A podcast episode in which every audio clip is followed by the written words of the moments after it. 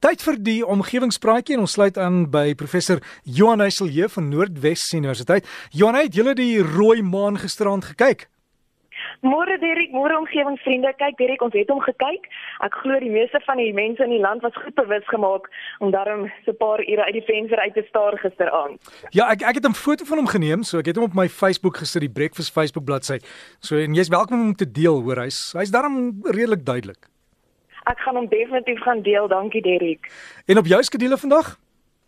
Derrick, vanoggend gesels ek oor die gebruik van gif in die omgewing. En dit is nou eintlik na aanleiding van 'n e-pos wat ontvang is van Koos Greef, waarin hy wou weet of is die gebruik van gif en gifstowwe nog toegelaat in dorpsgebied. So ons het 'n bietjie gaan navorsing doen en rondgevra hoe dit nou in ander dorpe en stede werk, maar toe het ek agtergekom dat regtig baie mense wat glad nie weet van die reëls en die regulasies met betrekking tot die gebruik van gifstowwe nie. En dit hou natuurlik vir ons omgewing 'n groot gevaar in. So gifstowwe word wel toegelaat in dorpsgebiede volgens munisipale verordeninge, maar die meeste verordeninge onderskei baie duidelik tussen publieke areas en private areas. En die riglyne wat hierdie verordeninge stel, fokus dan nou meestal op openbare en publieke areas. En dit sê dat slegs die amptelike en gemagtigde munisipale werkers mag onkruiddoders en gifstowwe in openbare paaie of publieke plekke toedien. En dit mag slegs gifstowwe wees wat wettig goedgekeur is. So geen persoon mag sonder toestemming gif of onkruiddoders in publieke areas toedien nie. En dit sluit dan nou natuurlik ons sypaadjies in. Hm. Maar die meeste verorde, uh, verordeninge stipuleer nie wat in private areas toelaatbaar is nie. En dis nou juist dikwels hier in mense se private tuine en erwe waar baie gifstowwe toegedien word en wat dan nou 'n groot impak op ons breër omgewing kan hê veral wanneer ons nou nie presies hierdie instruksies volg nie.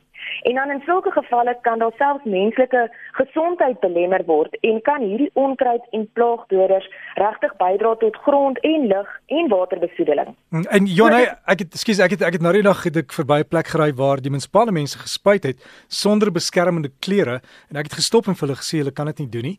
Hulle was bietjie boos maar hulle het hulle klere gaan aantrek en dieselfde by die huis, mense lees nie die aanwysings as dit sê Gebruik handskoene of beskermende klere dra. Doen dit, dis daar vir 'n rede.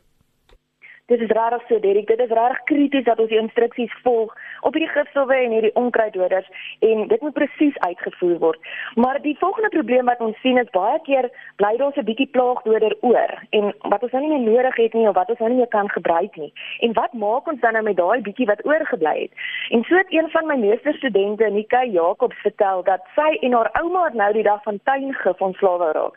En hulle het toe nou nie geweet waartoe om dit te vat nie en hulle het onder andere selfs by koöperasies en verskeie kwekerye probeer uitvind of hulle dalk hierdie produkte herwin of wat hulle nou daarmee kon maak. En van die raad wat hulle gekry het was dat hulle dit in die dreins afgooi of in die asblik moet gooi. Nou soos jy weet, ek hierdie kan glad nie gebeur nie. Ons rioolaanlegte is nie ontwerp om toksiese chemikalieë uit ons waters te verwyder nie. En chemikalieë mag nie in die drein of in die wasbak of in die toilet afgespoel word nie. Ons kan natuurlik ook nie verouderde of ongewenste plaas uh, plaagdoders of gifstowwe op ons eiendom verbrand of begrawe nie. So, wat maak ons nou met daai laaste bietjie onkruiddoder of plaagdoder? En dan is die beste is maar om te probeer om daai oormaat eerder op te gebruik, nê, volgens die aanwysings soos jy nou sê. Maar wanneer ons nou kies om dit dalk te stoor vir latere gebruik, dan moet ons regtig seker maak dat dit in houers is met oorspronklike etikette, waarop hierdie instruksies vir die aanmaak van die gifstowwe, maar ook die vernietiging daarvan baie duidelik uiteengesit is. En as jy dan nou regtig geen nut meer het vir hierdie gifstowwe of plaagdoders nie, dan kan mens dit laat vernietig deur gelisensieerde afvalbestuurmaatskappye. Nou hierdie maatskappye vernietig gifstowwe volgens baie streng riglyne. Um en hulle maak seker dat die wegdoening van hierdie plaagdoders en selfs die houers waarin hierdie gifstowwe voorkom op 'n verantwoordelike manier geskied. En in Suid-Afrika is al heelwat van hierdie maatskappye en hulle besonderhede is onder andere beskikbaar op die webwerf van die Plantbeskermings- en Dieregesondheidsvereniging. So ek sal dit ook op ons Facebookblad deel, um al hierdie besonderhede van hierdie maatskappye. Nee, ek sê dit is belangrik dat ons hierdie inligting moet versprei en mense moet bewus wees van die proses wat gevolg moet word om gifstowwe en plaagdoders te vernietig sodat ons ons omgewing maar ook onsself kan beskerm.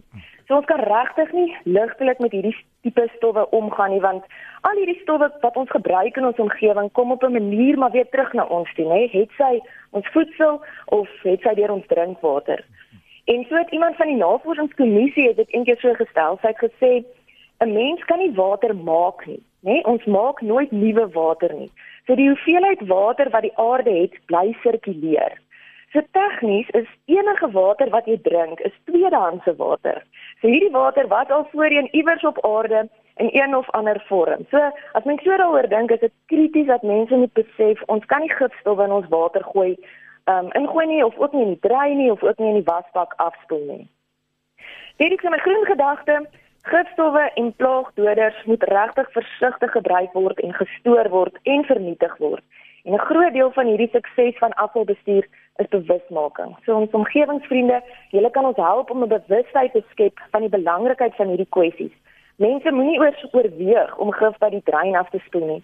En wanneer ons wel van hierdie gifstowwe en hulpmiddels in ons omgewing gebruik maak, moet ons dit verantwoordelik doen en tot so 'n mate dat ons ons ekosisteme beskerm en nie ons eie gesondheid in gedrang plaas nie. Ja, Jonay en mense is ook baie geneig om ietsie so soos geverrotte uit te sit en eile vang dit. So daai hele siklus het 'n invloed op ons en op ander diere en wesens. En ook hou die goed weg van kinders af bære dit hoog slyde toe in 'n kas as jy dit in jou erf het. En as jy dit by 'n kwekery gekoop het vra hulle hulle het gewoonlik die nommers van die mense maar dit staan ook op die botteltjie. Ek weet vernietig dit hier of gee dit daarin en dan sal hulle dit vir jou vernietig. Dit is so direk en ons gaan ook met julle deel op ons blad dan die nommers van mense wat kan help met hierdie proses om dit te vernietig. As jy wanneer alles van die beste en ek sien uh, daar's 'n hele klomp e-posse wat inkom vir jou mense wat idees het oor die omgewing. So uh, ons kan maar vir jou stuur, né? Asseblief Derek, ek moet ook net sê ek kan um, skryf hard terug in die week. Daar kom heelwat e-posse in, so ek doen my bes om almal te antwoord, maar asseblief julle kan vir my stuur by omgewingspraatjies@gmail.com of op ons Facebook bladsy.